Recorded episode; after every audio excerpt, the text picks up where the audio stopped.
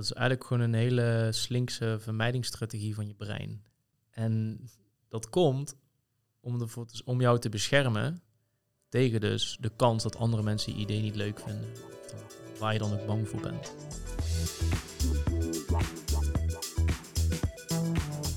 Welkom bij de podcast van UX People, het carrière- en educatieplatform voor UX professionals. We gaan in gesprek met startende en ervaren UX-designers om te leren van hun ontwikkelingen en uitdagingen binnen dit mooie vakgebied. Welkom bij de UX People podcast. Mijn naam is Jolijn Mijn naam is Noella. en in deze aflevering gaan we in gesprek met Simon van Acht, freelance senior UX-strateeg en mentor. Welkom. Dankjewel. Als je jezelf zou moeten omschrijven, hoe zou je jezelf omschrijven? Eh, nou, je zit denk ik aardig in de buurt. Ik denk dat ik daar nog aan toe wil voegen dat ik dat voornamelijk doe voor eh, duurzame en sociaal-maatschappelijke uitdagingen. De focus van mijn werk ligt wel vooral op bijdrage leveren aan een betere wereld. Eh, dus eigenlijk ja, purpose boven winst. En eh, de rest klopt denk ik wel aardig, ja. Ehm, ik had ook gelezen dat je laatst een boek hebt uitgebracht. Klopt. Dat is wel heel tof. Ja. En over een beetje je persoonlijke journey. En eh, ik weet niet of het ook gerelateerd was aan specifiek design, maar ook misschien eigen ontwikkeling. Eh, nee, niet gerelateerd aan design. eh, maar het is zeker wel overeenkomsten als het gaat over eh, angst en zelfvertrouwen. Gewoon hoe je in het leven staat, hoe je naar de wereld kijkt. Mhm. Dat heb ik eigenlijk een beetje gebundeld. Ah, heel tof. Dat moet ook wel tof zijn om zoiets neer te zetten. En ook wel spannend, denk ik. Omdat het is wel. ja, het is heel kwetsbaar. Er staan ook stukken uit mijn dagboek. Oh, echt? Wow. dus het is echt met de billen bloot. ja, Ja. Dat is wel, eh, wel heel tof. Nou, en dat linkt ook wel een beetje, denk ik, aan het. eh, in die zin aan het onderwerp waar we het vandaag ook met jou over willen hebben. En dat gaat eigenlijk over eh, creative confidence.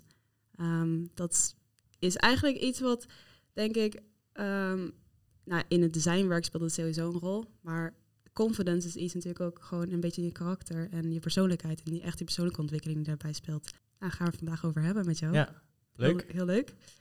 Ehm, maar ik ben ook wel überhaupt benieuwd naar hoe jij zelf in de designvak bent ingerold.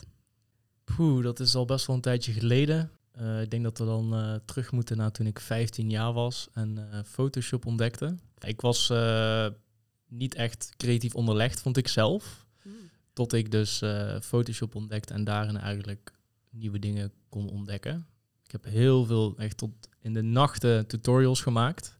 Letterlijk nagemaakt, stap voor stap. Mm. Ik vond dat zo leuk dat ik dat ook door heb getrokken naar het maken van websites, eh, logo's, huisstijlen. Eh, ik heb vervolgens ook een studie gedaan, eh, communicatie, multimedia design. En daarin heb ik eigenlijk dat verder ontwikkeld. Nice. En zo ben ik eigenlijk gaandeweg erin gerold. Eh, toen ik 18 was, eh, ingeschreven bij de Kamer van Koophandel. En sindsdien eigenlijk alles wat ik heb gedaan is wel gerelateerd aan ontwerpen of onderzoek of strategie. Oh, wauw. Vanaf 15 jaar startpunt van, eh, van de carrière eigenlijk al. In, Eh, in je ja. hobbytijd dan? Want het was, had je gewoon ontdekt in je vrije tijd? Of? Ja, ik, weet- ik kan me niet zo goed meer herinneren hoe dat is gegaan. Ik ben toen ook een tijdje. ehm, ja, ik heb toen ook een, eh, een online spel gespeeld. Ik weet niet exact meer hoe het heet, het was een voetbalspel. En eh, daarmee kon je, eh, kon elk team had een eigen logo. Mm. En op een gegeven moment was ik dus onderdeel van een forum van designers, van vraag en aanbod, waarbij teams dan konden vragen, kun je een logo voor mij maken? Oh, wat grappig. Oh. En dat was eigenlijk de eerste echte concrete toepassing van ontwerp voor mij, voor een klant. Mhm. Eh, ja, dan ging je gewoon kijken naar kleuren en naar eh, Ja. dat soort dingen. En ik had er eigenlijk helemaal geen verstand van toen. Maar ik deed gewoon gevoelsmatig wat gewoon chill was. Mhm. En eh, dat vond ik zo leuk om te doen. En ook zo leuk om die reacties terug te kijken, dat, eh, te krijgen, dat ik gewoon eh, daarmee verder ben gegaan. Grappig. Heel leuk om te horen dat eigenlijk zo, zo, op zo'n bijzondere manier dat je dacht, nou, ik wil hiermee aan de slag gaan. Maar je gaf wel aan dat je dacht dat je niet creatief was. Ja, kijk, je hebt mensen die zijn echt met een, een potlood of een pen in de hand geboren. Die hebben echt gewoon natuurlijke aanleg voor visualiseren of wat dan ook. Als ik aan mijn ouders vraag hoe was ik als kind, dan zullen ze niet als eerste zeggen je hield echt van tekenen en je was heel creatief. Mm. Misschien creatief op andere manieren, maar eh, niet in de visuele zin van het woord. Dus ja, ik heb dat eigenlijk een beetje zelf ontdekt. En ook toen ik ja, van de middelbare school eh, examens had gedaan. Ik heb eh, examen gedaan in vier talen. De talen was eigenlijk voor mij, ja, was voor mij hetgene waar ik echt goed in was. Maar ik dacht, ja, wat kan ik daar nou mee? Toen ben ik uiteindelijk naar een open dag gegaan van CMD. En toen dacht ik, ja, dit, dit ziet er wel relaxed uit. Ja, je bent 17, ja, je weet ook niet goed wat je wilt. Mhm. Je had het over, nou, over je ouders, als ze jou zouden beschrijven, zouden ze niet zeggen creativiteit. En dat vind ik wel een leuk eh, om dan gelijk even naar een stelling te gaan. De stelling is, iedereen is creatief. Ik denk dat we dan eerst moeten gaan onderzoeken eh, wat betekent het als iemand creatief is. En voor mij eh, betekent dat een heleboel dingen. Eh, maar ik denk dat het in de kern inhoudt dat je dus flexibele houding hebt waarmee je ja, problemen op kunt lossen of nieuwe dingen kunt creëren of bedenken. En die hoeven niet eens zozeer uniek te zijn, dat het echt gewoon nog niet bestaat. Mhm. Maar het gaat volgens mij ook heel erg om verbindingen leggen. En voor mijzelf persoonlijk heeft het ook eh, ja, de, het middel van expressie. Dus Mhm. door middel van creativiteit kan ik mezelf ook uiten. Nou, kijk bijvoorbeeld naar mijn boek, kijk naar mijn poëzie, naar mijn fotografie. Dat is in die zin ook creativiteit, vind ik. Dus het is ook een manier om jezelf te kunnen uiten. Mm. Een uitingsvorm te geven aan hoe je je voelt en hoe je de wereld ziet. Ja, mooie beschrijving. Ik vind het wel ook een eh, volledige beschrijving, want als ik gesprekken heb met mensen over creativiteit, dan is vaak de eerste dingen die ze zeggen is eh, tekenen, schilderen, een beetje knutselen, zeg maar arts and crafts, zulke soort dingen. Terwijl ik juist creativiteit meer link aan soort van het oplossingsvermogen. Dat Ja. je iets kan, een situatie kan zien dat je ziet van, eh, oké, we moeten, eh, weet ik veel, een deur fixen, maar we hebben geen deurklink. Hoe gaan we dat dan doen? En welke middelen hebben we dan wel? En hoe kom je dan tot een oplossing? En dat vergt creativiteit. Ja. Ja. Maar toch, weet je, dat, dat stukje expressie wat je benoemde, maar dat je door creativiteit jezelf kan uiten, dat valt dan een, dat valt dan een beetje buiten de beschrijving als ik alleen maar heb over oplossingsgerichtheid. Maar Ja. dat eh, neem je wel mee in die eh, definitie die Ja. je benoemt. Kijk, en dan denk ik terug te komen op de stelling, kan iedereen dat zijn? Ehm, ja, waarom niet? Eh, wat ik in het begin ook zei, ik denk dat dat ook heel erg afhangt van omgeving groei je op, in hoeverre wordt het ook gestimuleerd, Mm. Ehm, hoe sta je daar ook zelf in? Eh, heb je die behoefte überhaupt om jezelf op die manier te uiten of om ja, je creativiteit in te zetten om problemen op te lossen? Ja. Maar ja, het is eigenlijk denk ik ook een bepaalde vorm van flexibiliteit, want je noemde net ook ja, om problemen op te lossen. Ik denk dat we als mensen natuurlijk dagelijks eh, duizenden, dan al niet miljoenen keuzes maken. En die worden denk ik ook heel erg beïnvloed door in welke situatie je zit. Bijvoorbeeld stel, ik kom hier naartoe met de metro en de metro heeft vertraging of eh, gaat niet. Dan moet ik creatief zijn om Mhm. eh, hier te komen. Mhm, Ja. En dan kan ik ervoor kiezen om eh, een elektrische scooter te huren. Ik kan niet met een taxi bellen. Ik kan ook met de trein of de whatever. Ja. Dus ik denk dat dat eigenlijk in de kern al creativiteit is. Kan niet iedereen dat zijn? Zeker. Kijk naar, nou ja, ik denk eh, de meeste kinderen die opgroeien, die gaan natuurlijk naar de, eh, de, de kinderspeelzaal. En nou, daar leer ik ook met blokken en eh, kleuren en tekenen. Ja, dan ben je natuurlijk in essentie ook al creatief. ja. Alleen gaandeweg eh wordt dat denk ik wel minder. Maar dat heeft dus ook te maken met hoe dat, in hoeverre dat gestimuleerd wordt. Ja, 100 procent. ik denk het echt heel 100%. erg mee.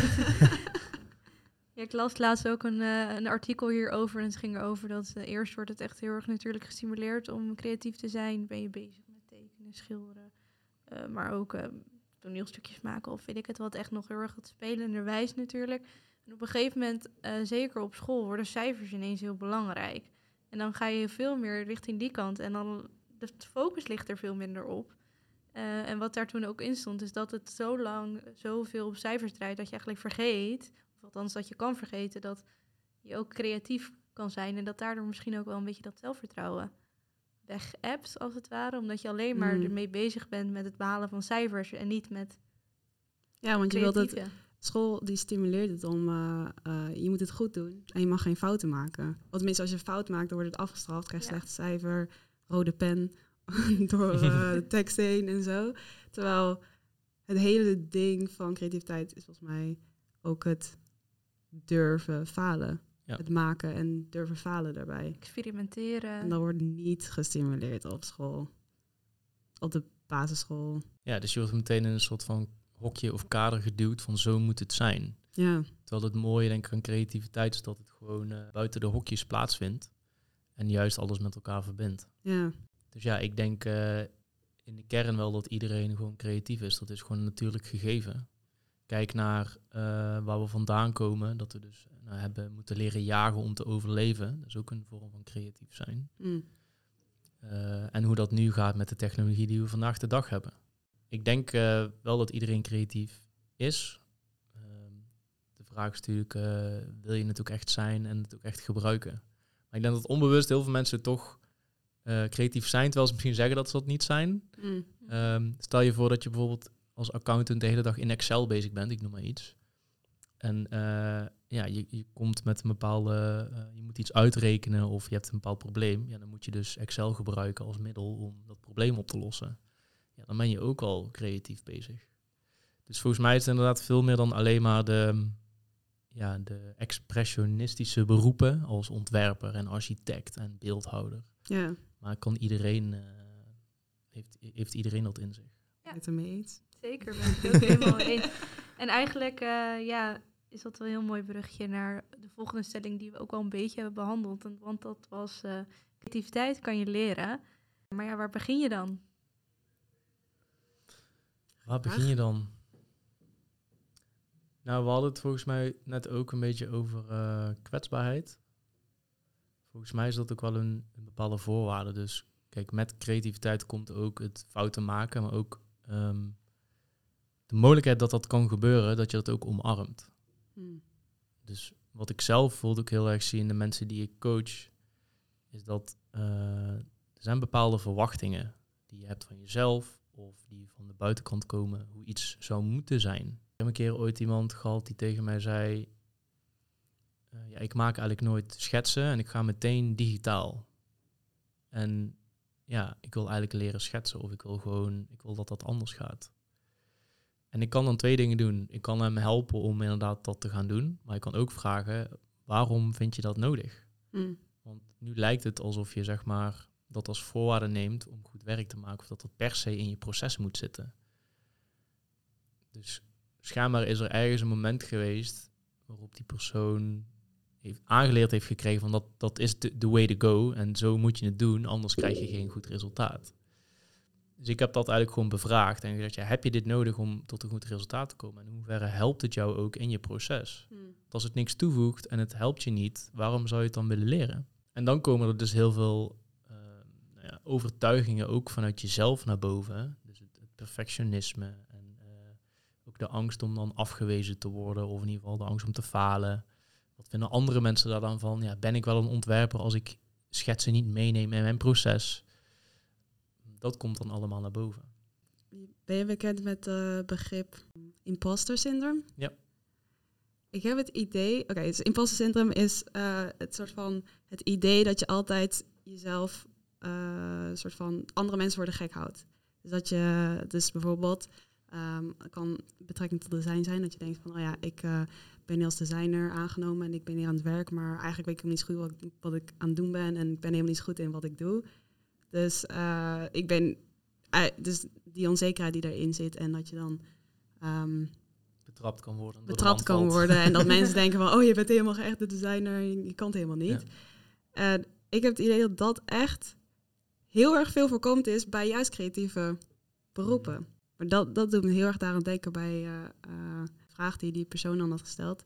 Van ja, ik moet, ik moet het volgens een bepaalde proces doen, want dan is het een soort van the way to go. En zo Ja. moet je dat doen. Veel mensen die je bijvoorbeeld ook coacht, waarbij je dit soort, misschien niet gelijk de hele imposter syndroom, maar gewoon ehm, eh, aspecten daarvan tegenkomt bij mensen. Nou ja, ik denk dat eh, kijk, de kern van de problemen waar mensen bij mij komen, die zeggen niet zozeer van, ehm, ja, meestal zeggen ze van ik wil mezelf ontwikkelen als ontwerper. Dat is eigenlijk gewoon een hele algemene vraag. Mhm. Ja, wat betekent dat dan? Waar zit hem dat dan in? Dus ik doe ook eigenlijk in het begin altijd een intake om een gevoel te krijgen bij waar worstelt iemand mee, wat vindt iemand lastig. En ook door te vragen op, ja, waarom vind je dat dan lastig? En eh, wat houdt je zeg maar niet tegen om eh, dat minder lastig te vinden? En ja, dan, dan merk je toch dat daar inderdaad bepaalde overtuigingen zitten. Dus het feit dat je al vindt dat je jezelf moet ontwikkelen, Hmm. daar zit al eh, ja, een bepaald oordeel in richting je eigen functioneren. Eh, en om het nou meteen zelfafwijzing te noemen, vind ik een beetje eh, groot. Ehm, kijk, natuurlijk kun je jezelf altijd ontwikkelen en er zijn altijd verbeterpunten en dus daar niks slechts over. De vraag is denk ik meer, wat is gewoon de, de je motivatie en je intentie om jezelf te verbeteren? Doe je dat echt omdat je nu ergens tegenaan loopt en er echt problemen dat je niet van kunt slapen bijvoorbeeld? En dat je eh, je werk niet goed doet en dus ook misschien ontslagen kan worden? Of komt dat omdat je van jezelf vindt dat dat anders moet? Of dat je zelf de overtuiging hebt dat dat hoort bij wie je eigenlijk moet zijn? En daar probeer ik met bepaalde vragen en, en ja, methodiek, eigenlijk gewoon het heel veel vragen stellen. eh, daar een beetje doorheen te prikken. En ook terug te spiegelen waar het eigenlijk echt om draait. En dat ook nou, proberen te, te doorgronden. Dus eigenlijk, de- ja, de meeste mensen die ik spreek, ehm, daar zit in de kern natuurlijk wel iets van creatief zelfvertrouwen of een gebrek daaraan eh, zit daar wel in. Ja. Hoe is dat voor jullie dan? Zijn jullie ooit eh, creatief onzeker? Zeker. Zeker weten. Zeker? Oké, wees zeker in je onzekerheid. Dat vind ik denk ik een hele mooie titel. ik ben, Zeker, me, ben ja. me bewust ervan. Ik denk dat dat het is, vooral. Ja. Eh, bewust ervan dat, dat ik af en toe er echt heel onzeker in kan zijn. En dat het ook af en toe gewoon echt nergens voor nodig is dat ik onzeker daarin ben. Volgens Waar ben je dan onzeker over? Ehm, nou ja, nu, nu een stuk minder. Maar toen ik net begon met werken, dacht ik, ja, kan ik dit wel? Mhm. Ehm, ik moet nu iets gaan doen. Eh, weet ik dat wel? Je komt net van school. Je hebt alles eh, volgens een bepaald proces geleerd, volgens de schoolboeken. En gaat dan maar eens toepassen. Dus precies eigenlijk een beetje, het is een heuveltje waar je overheen moet. Waarvan je eigenlijk dan heel erg zit van, ja, kan ik het wel? Doe ik het wel goed? Zijn mensen wel blij met hetgeen wat, ik, wat de uitkomst is? Vooral, denk dat stukje zit dan, va- zat in ieder geval bij mij de onzekerheid. Maar ik merkte wel heel gauw door er en met mensen het over, over te hebben. En door, door ook gewoon de werkervaring merk je dat het allemaal wel goed komt. En dat het, Dat je vertrouwen groeit, zeg maar. ja, je ver- Ja. vertrouwen groeit zeker echt door je ervaring. En door er ook sowieso met Door de feedback. hebben, door feedback te vragen. Ehm, maar ook door er gewoon je kwetsbaar op te stellen en juist vragen te stellen. eh, en mensen bij processen, designprocessen bijvoorbeeld, te betrekken die wel al meer ervaring hebben. Om ervoor te zorgen dat je uiteindelijk ook zelf sterker in je schoenen staat. Ja, ik denk dat eh, dingen als jezelf kwetsbaar opstellen. Nou, de werk, het werk wat je maakt, dat eh, zijn natuurlijk jouw ideeën van, van een oplossing. En je denkt dan, eh, zeker als je net begint van, eh, weet ik veel of dit een goede oplossing is. Ik, ik heb al wel wat basisdingen geleerd, maar nu is het in, voor het echi, zeg maar. En dan, als je dan die oplossing moet presenteren, dan denk ik van, ja, maar ik weet zelf eigenlijk nog niet zo goed of dit wel een goede oplossing is. Maar ik moet wel met overtuiging gaan vertellen van, ja, dit is, dit is de oplossing, want ik ben de designer van het project, zeg maar. Dus, Maar ehm, dat, is, is interessant, vind ik. Want daar zit dus eigenlijk al bij een bepaalde overtuiging dat jij het met zekerheid moet presenteren. moet presenteren, terwijl je het Ja. eigenlijk helemaal niet zeker weet. ja, En de vraag is dus, eh, wie hou je daarmee voor de gek? nou, maar ik denk, dat heb ik wel denk ik, meer geleerd. Het maakt ook niet uit als ik het niet helemaal eh, de volledige oplossing al aanbied. Maar het is soms juist dat je een visuele uitwerking hebt gemaakt. En dat is gewoon al een start om met het team op te schieten. Omdat je dan ziet van, hé, hey, nou, dit was een idee. Dit vind ik er goed aan. Hier gaan we mee door. En dit eh, kan misschien nog beter. Gaan we nog even door op eh, itereren en dergelijke. Mhm. En dat het juist een mooi startpoort kan zijn. Maar in het begin had ik daar wat minder. en dan Ja. was ik veel meer van, oh ja, ik ben de designer. Dus, ik denk wat misschien ook wel de, de, en dat weet ik niet, dat is een aanname, maar wat misschien de oorzaak kan zijn van dat zoveel creatieven last hebben van een gebrek aan creatief zelfvertrouwen. ehm, heeft misschien ook wel te maken dat er dus eigenlijk nooit echt een eindpunt is in mm, ons werk. Kijk, als je een, bijvoorbeeld een huis bouwt, dat huis is een keer af. Dat moet een keer af zijn. Dat moet waterdicht zijn, moet bestand zijn tegen een storm, tegen sneeuw, tegen zon. Gewoon in, een leefbaar in kunnen wonen. Dus er is een soort van einddefinitie wanneer het af is. Kijk, in principe kunnen wij als ontwerpers tot in den treuren blijven itereren. En kan het altijd beter. Want je blijft meten, je blijft optimaliseren. En in, die, in dat vage gebied, zeg maar, omdat het dus nooit echt een heel concreet eindpunt is, waar we denk ik met z'n allen heel erg ons best doen om dat wel te creëren. Dat is dan de MVP. Mhm. Wat moet het dan voldoen? Mhm. Dat soort dingen. Proberen we eigenlijk een beetje die, dat vage te vangen in concrete opleveringen of regels. Of, terwijl in de kern creatief werk laat zich natuurlijk niet vangen door dat soort dingen. Dat, dat vloeit juist tussen al die regels door. Daar is waar de magie ontstaat. Mm. En als ik naar mezelf kijk, ja, ik ben gewoon mega, ook best wel control freak en perfectionist. Ehm, dus ik betrap mezelf er ook wel eens op dat als dingen niet helemaal duidelijk zijn of helder zijn, dat ik ook onzeker word. Dan denk je, ja, hoe weet ik dan of ik dan goed werk lever of niet? Terwijl ik denk dat misschien is creativiteit ook wel meer dan dat, of creatief zelfvertrouwen meer dan dat, en is het ook gewoon het, het omarmen van die onzekerheid en juist heel speels en onbevangen als een kind, zoals je vroeger deed, gewoon maar dingen te maken. En ja, waarom zouden we als designers niet gewoon mogen zeggen van, ik weet het ook niet, maar ik doe wel gewoon mijn best op basis van alles wat ik weet en kan. Want dat is denk ik ook wel ehm, een ding. Kijk, je krijgt ervoor betaald. En dat is natuurlijk ook een heel ding, wat soort van druk uitoefent. Mhm. Plus je hebt al die stakeholders die er iets van vinden. Mhm. Heb je ook nog collega's die er waarschijnlijk iets van vinden. Je vindt er zelf ook nog heel veel van. Ja, zie daar maar eens je weg in te vinden. Dus het is helemaal niet gek dat je dan onzeker wordt of bent. Dus ja, volgens mij, wat we net ook al zeiden, is het heel erg gewoon eh, zeker zijn met je onzekerheid. Mm. Niet ondanks je onzekerheid. Niet, dus het is niet zo van, oké, ik weet het eigenlijk niet en ik doe maar wat en eh, kijk wel. Maar dat letterlijk gewoon ownen. Ja. Want dan denk ik, door kwetsbaar te zijn in dat proces, krijg je ook andere mensen mee. Die denken misschien, oh ja, ik doe eigenlijk ook maar wat. Oh, dan doen we samen eigenlijk maar wat. Oh, relaxed. Ja, dat vind ik wel echt mooi beschreven. Het feit van het is nooit af, dat dat bijdraagt aan eh, ja, dat je denkt van het kan altijd beter, het kan altijd mooier, het kan altijd. Als je meer tijd had, dan had je nog dit gedaan. Als je meer tijd had, had je dan nog verder onderzocht. Als je meer tijd had, had je dit, nog gedaan. Maar dat is sort of part of the job, dat het altijd een ongoing iets is. Als je de chaos niet kunt omarmen, had je nooit ontwerper moeten worden. Dat denk ik. Dat is ook een eh, stelling trouwens. als je chaos niet kan. Ik denk wel dat als jij eh, heel gestructureerd bent en eh, heel erg houdt van houvast, oké, dan vind je chaos waarschijnlijk niet heel fijn.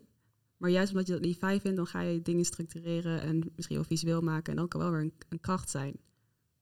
Ja, en het grappige is dat daar zit dus een best wel grote paradox in. Ja, Omdat creativiteit juist ook heel erg vaart bij regels en bij focus. Ja, als zeker. Het te, als het eh, te vaag blijft, Ja, of het is Nee, als je gewoon- breed. letterlijk, als je iemand zegt, je mag nu van alles, ga maar iets doen. Dan heb je zoveel opties. En dan zit je gewoon in een soort van keuzestress van de opties die je hebt. Ja, Terwijl als daar een focus in zit van, oké, ik heb je hulp nodig voor dit specifiek in, in ingekaderd eh, tussen die regels. En dan hoe je dat precies gaat oplossen binnen die, eh, binnen die regels. Daar zit denk ik ook juist de kracht van creativiteit in. Ja. Dat je dan iets kan neerzetten. Het eh, goed de kaders kunnen neerzetten van een project in het begin. Dat kan wel heel erg bijdragen aan in hoeverre je makkelijker daartussen kan bewegen met de creatieve oplossingen die je gaat bedenken. Jazeker. En dan is de verwachting ook enigszins gemanaged over binnen welke kaders er creativiteit geleverd wordt. Dit, dit is wel, eh, is wel een goeie, want een van de stellingen die we nog hadden is... creativiteit kan je niet afdwingen. Beetje gerelateerd aan met die kaders. Hmm. Ehm, dat is dan... Kaders kan je soms neerzetten van een, eh, in een project. Van nou, we hebben een, dit is een probleem, dat is een beetje dit is het probleemgebied... en eh, we willen daar oplossing voor eh, hebben. Maar je hebt dan ook gewoon het creatief proces... en dat je daar kaders voor hebt. Ehm, hoe sta jij daarin? Waarom zou je creativiteit, creativiteit niet kunnen afdwingen? Eh, waarom zou je het niet kunnen afdwingen? Omdat nou, sommige mensen zeggen, ja, weet je, ik- het is mijn eigen proces. En ik kan er niet binnen, ik kan er niet van 9 tot 5 kan ik niet ineens gewoon een oplossing bedenken. Ik heb daar, ik heb daar eh, een wandeling voor nodig buiten. Of, Ja. eh, Maar we hebben net ook gezegd dat iedereen creatief is. mhm. En volgens mij is creativiteit net als dat, je dat je jezelf kunt laten ontspannen, laten creatief zijn. Hmm. Dus volgens mij zijn de mensen die dat zeggen, die zijn dus creatief onzeker. Interesting. Oké, zo ehm, heb je een voorbeeld van, eh, misschien doe je dat zelf al voor jezelf, dat je zegt, eh, ik ga nu mezelf dwingen om even creatief te zijn. Hoe, hoe je dat aanpakt of hoe je dat doet? nou, ik denk, het zit al denk ik wel in, in de formulering van hoe je het nu zegt. Dwingen is best wel streng woord, vind ik. Dus dat doe ik, probeer ik sowieso niet te doen. Oké, het moet nu. Het kan wel. Ehm, ik denk dat het belangrijkste is dat je inderdaad dat de kaders helder zijn waarbinnen je creatief kunt zijn. Weet je, en er zijn denk ik ontzettend veel methodieken en mogelijkheden om ehm, ja, in, die, in die flow van creatie te komen. En daar zijn genoeg boeken over geschreven. En volgens mij is dat heel erg gewoon in die state komen van dat speelse onbevangen kind. Dat alles goed is en niks fout is. En dat je gewoon lekker bezig bent. En het interessante is dus dat het wel ergens aan moet voldoen. Dus je probeert wel een specifiek probleem op te lossen. Dus dat moet je denk ik wel altijd in je achterhoofd houden. En ik denk ook, nou ja, hoe meer druk we erop leggen om creatief te zijn, hoe minder we het ook, hoe minder daar dan ook ruimte voor komt. Dus het moment dat je jezelf heel erg gaat opleggen van oké, nu moet ik creatief zijn. Of bijvoorbeeld bij een, een comedian, nu moet ik grappig zijn. Ja, hoe meer dat misschien juist niet lukt. Die creativiteit die komt denk ik juist tot uiting als je het gewoon de ruimte geeft. Does that make sense? Hmm, Ja, ik zit even te denken, als je de ruimte geeft, eh, het is dus van weer paradox van het afdwingen. Ja.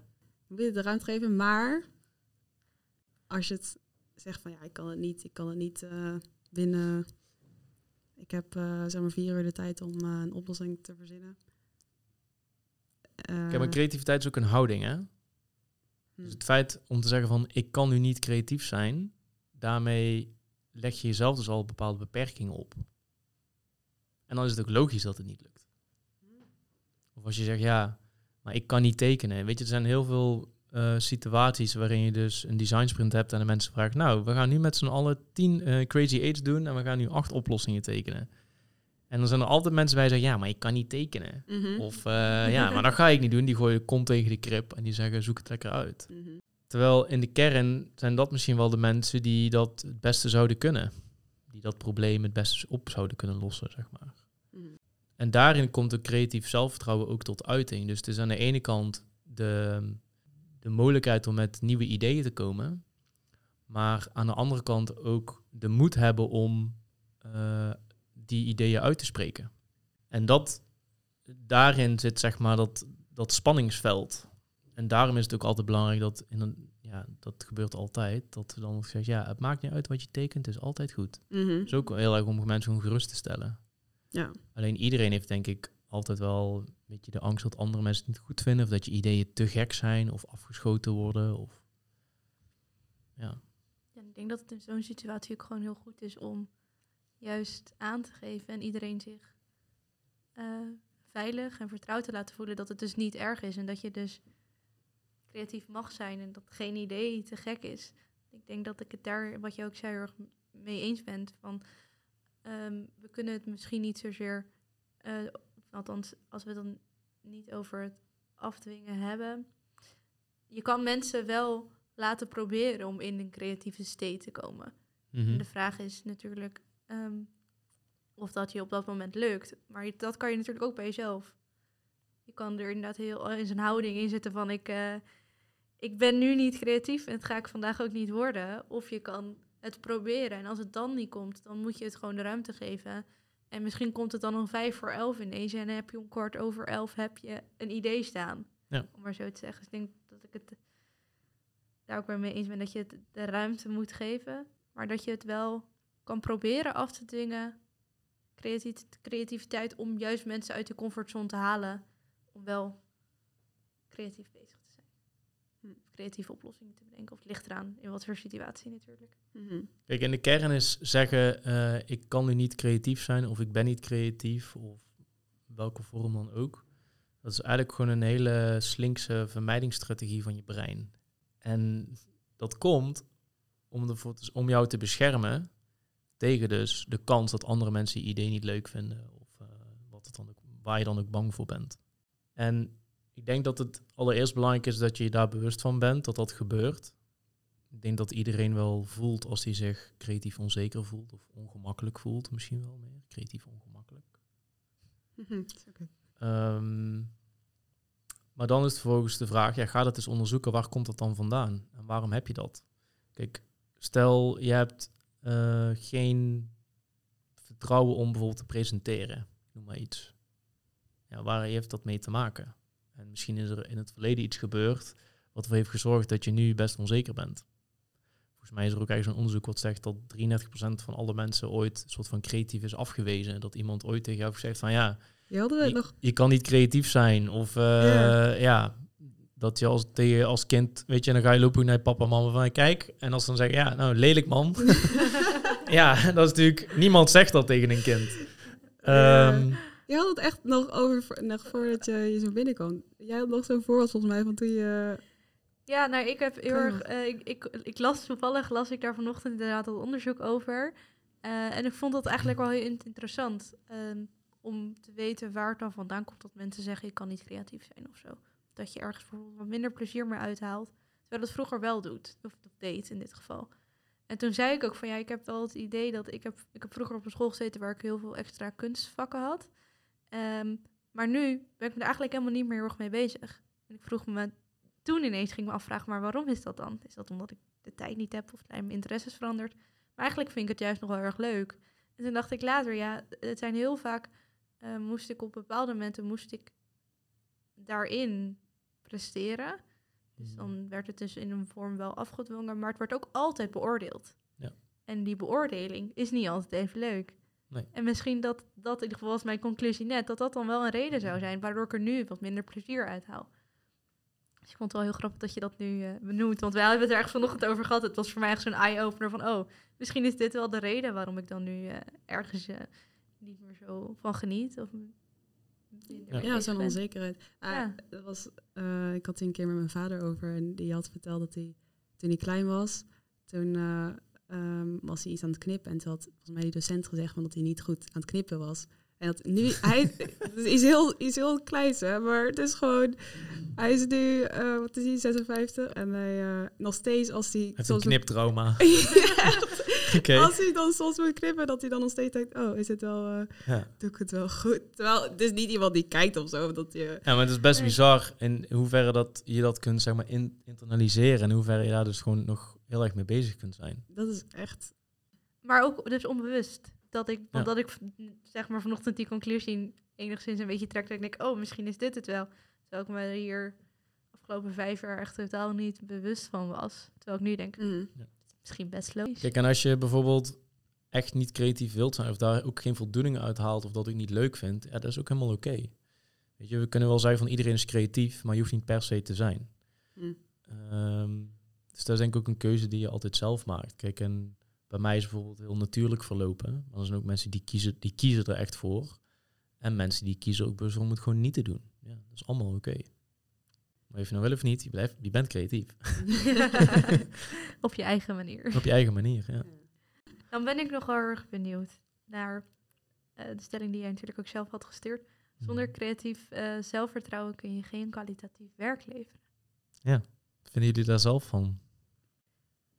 Ik denk dat het wel beperkt. Specifiek op het zelfvertrouwen. Als jij je werk niet ehm, met die zelfvertrouwen kan presenteren, eh, in hoeverre komt het dan ook daadwerkelijk goed over op de stakeholders en dergelijke. En dan heb ik het niet over van, oh, dit is het eindwerk en dit helemaal goed zijn, maar ook gewoon die kwetsbaarheid die daarbij zit van, hey, dit is wat ik denk dat een goede oplossing, oplossingsrichting is. Misschien is het nog niet helemaal ehm, het eindresultaat, maar ik denk dat we die in die richting op kunnen gaan. En als je dat, dat op een zelfverzekerde manier zo kan presenteren, denk dat dat wel dat draagt bij dat dan eh, de rest daar ook beter in meegaat en daardoor dus het product daadwerkelijk beter wordt. Ja, ik denk dat je zonder creatief zelfvertrouwen zeker wel werk kan leveren. Maar de vraag is in hoeverre voldoet dat dan aan de kwaliteit die gewenst is op dat moment. Denk eh, zeker als je dan hebt bijvoorbeeld van iemand die dus net is afgestudeerd, dan is het denk ik heel logisch dat je onzeker bent, dat je creatief zelfvertrouwen gewoon iets minder is. Je bent er, kan ergens nieuw zijn, nieuwe situaties. Dus dan is, speelt de situatie en de omgeving natuurlijk ook best wel een rol. Uh, maar in principe heb je wel de kennis, je hebt wel alle methodes geleerd om werk te kunnen leveren. Uh, maar ik denk inderdaad wat jij net zegt, Jolijn, dat als je dus wel die, dat creatief zelfvertrouwen hebt, want als je daar al uh, zeker meer zelfvertrouwen in hebt, dat je werkkwaliteit steeds beter wordt. Want uiteindelijk denk ik ook, ja, je bent niet voor niks afgestudeerd. Of je bent niet voor niks Mhm. aangenomen bij de baan waar je dan op dat moment werkt, als je werkt. Of dat betekent dat je zeker echt iets kan. Ja. Ik was eh, creatief onzeker toen ik mijn boek schreef. En het is er toch. Ja, En ik denk, ik daarmee wil zeggen is, eh, weet je, ik zit nu 13 jaar, doe ik, doe, doe ik dit nu? En ik ben nog steeds wel eens ooit onzeker. Maar wie is dat niet? Je, het maakt je ook mens. En ik denk dat je het soms ook juist echt eh, nodig hebt om goed werk te kunnen leveren. Want dat laat ook meteen, zeg maar, de hele, de, de hele kwetsbaarheid van je werk zien. Je kan niet altijd op de top van je kunnen presteren. En je kan niet altijd creatief uitmuntend, kwalitatief goed werk leveren. Dus ik denk dat, ehm, ja, dat, dat je als je creatief onzeker bent, dan kun je denk ik nog steeds wel goed werk leveren. Alleen in mijn geval zou dat dan vooral liggen aan het feit dat ik door de jaren heen bepaalde, nou, niet zozeer trucjes heb ingebouwd, maar wel een soort van dingen waar ik op terug kan vallen, zodat ik in ieder geval weet dat de basis goed zit. En die dingen zorgen er eigenlijk voor dat ik me in de kern dus ook wat, wat zelfverzekerder voel, ook al voel ik het misschien niet helemaal. Hmm. Nou, dan kun je denken aan natuurlijk eh, eh, onderzoek doen en eh, altijd nadenken over wie is de doelgroep en wat is het doel dat we willen bereiken. Dat die dingen gewoon strategisch gezien eerst als eerste staan. Want dat is uiteindelijk de basis die ervoor zorgt wat voor werk eruit komt rollen. Dus de juiste vraag op het juiste moment zorgt ook voor de juiste oplossing. Ehm, maar ja, als je al onzeker bent over je, je werk, dan is denk ik sowieso de vraag, heb ik wel in het begin de juiste vraag gesteld? Dus volgens mij is het altijd in retrospect en van een afstandje kijken naar wat je aan het doen bent en waarom je bepaalde keuzes maakt. En daar kun je onzeker over zijn. maar dat, dat hoort ook bij het proces, denk ik. Hmm. En we hebben natuurlijk net een beetje gehad, wat is dan creatief zelfvertrouwen? En je zou natuurlijk ook de vraag kunnen stellen, wat is dan kwalitatief werk? Wat betekent dat dan? Maar ja, je merkt al heel snel dat je in, een, ja, in die paradox terecht komt. Want ja, creativiteit laat zich niet vangen met regels, maar we hebben ze wel nodig om Mhm. vervolgens aan de gang te kunnen. ja. Ja, dus het een kan denk ik niet zonder het ander. Eh, Misschien is dat wel gewoon het, het, het veld waar design zit. Tussen spanningsvelden van Ja. structuur en chaos. En het past ook alweer een beetje bij het design thinking methode. Weet je wel, dat je van de chaos probeert er structuur in te krijgen. En daar heb je weer creativiteit voor nodig. En daar heb je een soort van regels voor nodig. Maar ook weer de vrijheid. Ja. Daar heb je ehm, in die zin zekerheid in nodig van eh, het werk wat je levert. Maar aan de andere kant ook juist de kwetsbaarheid en het ehm, weten dat je niet de oplossing gaat vinden in één keer. En dat je juist ook moet gaan testen en moet dooritereren om daadwerkelijk te verbeteren en naar een zo best mogelijke oplossing te komen. Maar dat je nooit in één keer het eindwerk kan maken. Ja, voor ons is dat natuurlijk heel normaal. Want wij doen dit al een tijd en wij snappen hoe het creatief proces werkt. Nou, probeer dat maar eens te vertellen tegen een CEO met, eh, ja, met eh 5 miljoen budget en die gewoon bepaalde KPI's heeft, zeg maar. Dus dat is denk ik ook nog, dat maakt het in het spanningsveld nog extra lastig. Omdat je die krachten zijn ook nog van invloed. Hoe ga je daar dan mee om? Dat speelt natuurlijk ook mee in hoe soort van creatief zelfverzekerd je bent. Een heel, eh, dat is Ja. een, nieuwe podcast afleveren, denk ik. Hoe ga je stakeholders meenemen in dit proces? Ja, Ja. Dat is wel Dat een is zeker. interessant onderwerp. even opschrijven. Heb je zelf nog bepaalde ehm, bronnen van boeken die jij eh, misschien hebt gelezen of gebruikt hebt eh, over creative confidence die je zou kunnen Ik aanbevelen? lees eigenlijk nooit. Of luisteren. of Luisteren, misschien, eh, kijken. Eh. Ehm, ja, natuurlijk het boek eh, Creative Confidence van eh. Tom en David Kelly van IDEO. Ja. Er is ook een boek eh Play Mode, Hmm. heet die? Van Barbara, ik weet dan. Barbara Thomas, Play Mode. Ja, dat boek dat gaat ook over eh, iedereen dus creatief kan zijn. En ja, hoe je dat ook stimuleert. Eh, ik denk die twee vooral. En ik denk, ehm, ja, je kunt je natuurlijk ook optrekken aan mensen die wel creatief eh, zelfverzekerd zijn. Als je zelf merkt van, nou ja, op dit punt vind ik het nog heel lastig of eh, heb ik nog uitdagingen. Dat je eens met die mensen in gesprek gaat om te kijken wat het dan betekent. En hoe, hoe hun ervoor hebben gezorgd dat ze dus creatief zelfverzekerd zijn.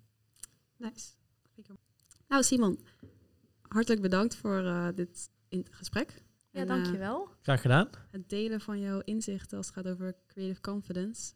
Ik heb wel echt goede dingen waarvan ik denk, ah, daar kan ik zelf ook nog weer even een stapje mee maken. Als het gaat over het omarmen van onzekerheid in de creativiteit. Ik denk dat dat wel eh, mijn main takeaway was.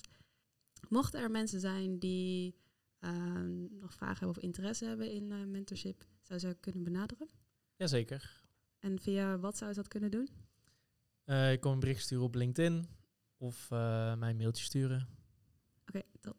Nou, we zullen in ieder geval jouw contactgevers als een LinkedIn en eh, ehm, LinkedIn en mail eh, wel even in de beschrijving zetten van de podcast. Dus mocht je hier naar luisteren, kan je dat daar vinden. En ehm, als je ook nog interesse hebt in het boek wat Simon heeft geschreven, dan hebben we daar ook het linkje voor in de beschrijving staan. Ehm, dus eh, neem zeker een kijkje. Ehm, je kan naar Jux People luisteren via Spotify, Apple Podcast en Google Podcast. Dus abonneer op het kanaal om op de hoogte te blijven wanneer een nieuwe aflevering online staat. En je kan ook eh, via Instagram, ux.people en LinkedIn ons eh, in de gaten houden. Tot de Tot de volgende volgende keer. keer.